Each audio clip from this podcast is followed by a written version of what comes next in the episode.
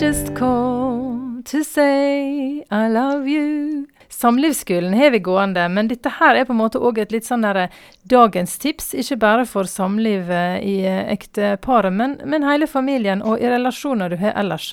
Dagens tips kanskje noen har forstått, men hva er det, Egil? Hjertelig velkommen til dagens tips. Det er veldig bra. Dagens tips er ring.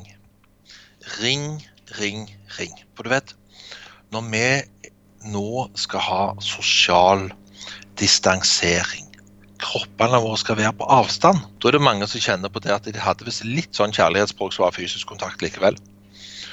Og som ikke har kropper, om ikke ser hverandre live, gjør ting i lag, sånn fysisk, da har vi noe igjen, og det er stemmen. Vi, vi har jo slutta bare gå på besøk, mange har gjort det.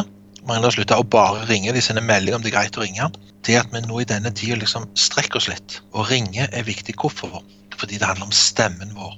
Det er altså så godt å høre folks stemmer. Kan eh, gi ro og glede og oppmuntring og munterhet på måter som en emoji ikke har sjanse til å få til. Så det tror jeg er veldig Det er liksom istedenfor klemming Hvis ikke kroppen på den måten vi pleier å klemme med, så må vi klemme med stemmen. Vi må liksom ringe og ha kontakt. Så det anbefaler jeg. Ring venner. Ring noen du har tenkt på hold kontakt. Og ha, ja, legg vekt på å ha en vennlig stemme.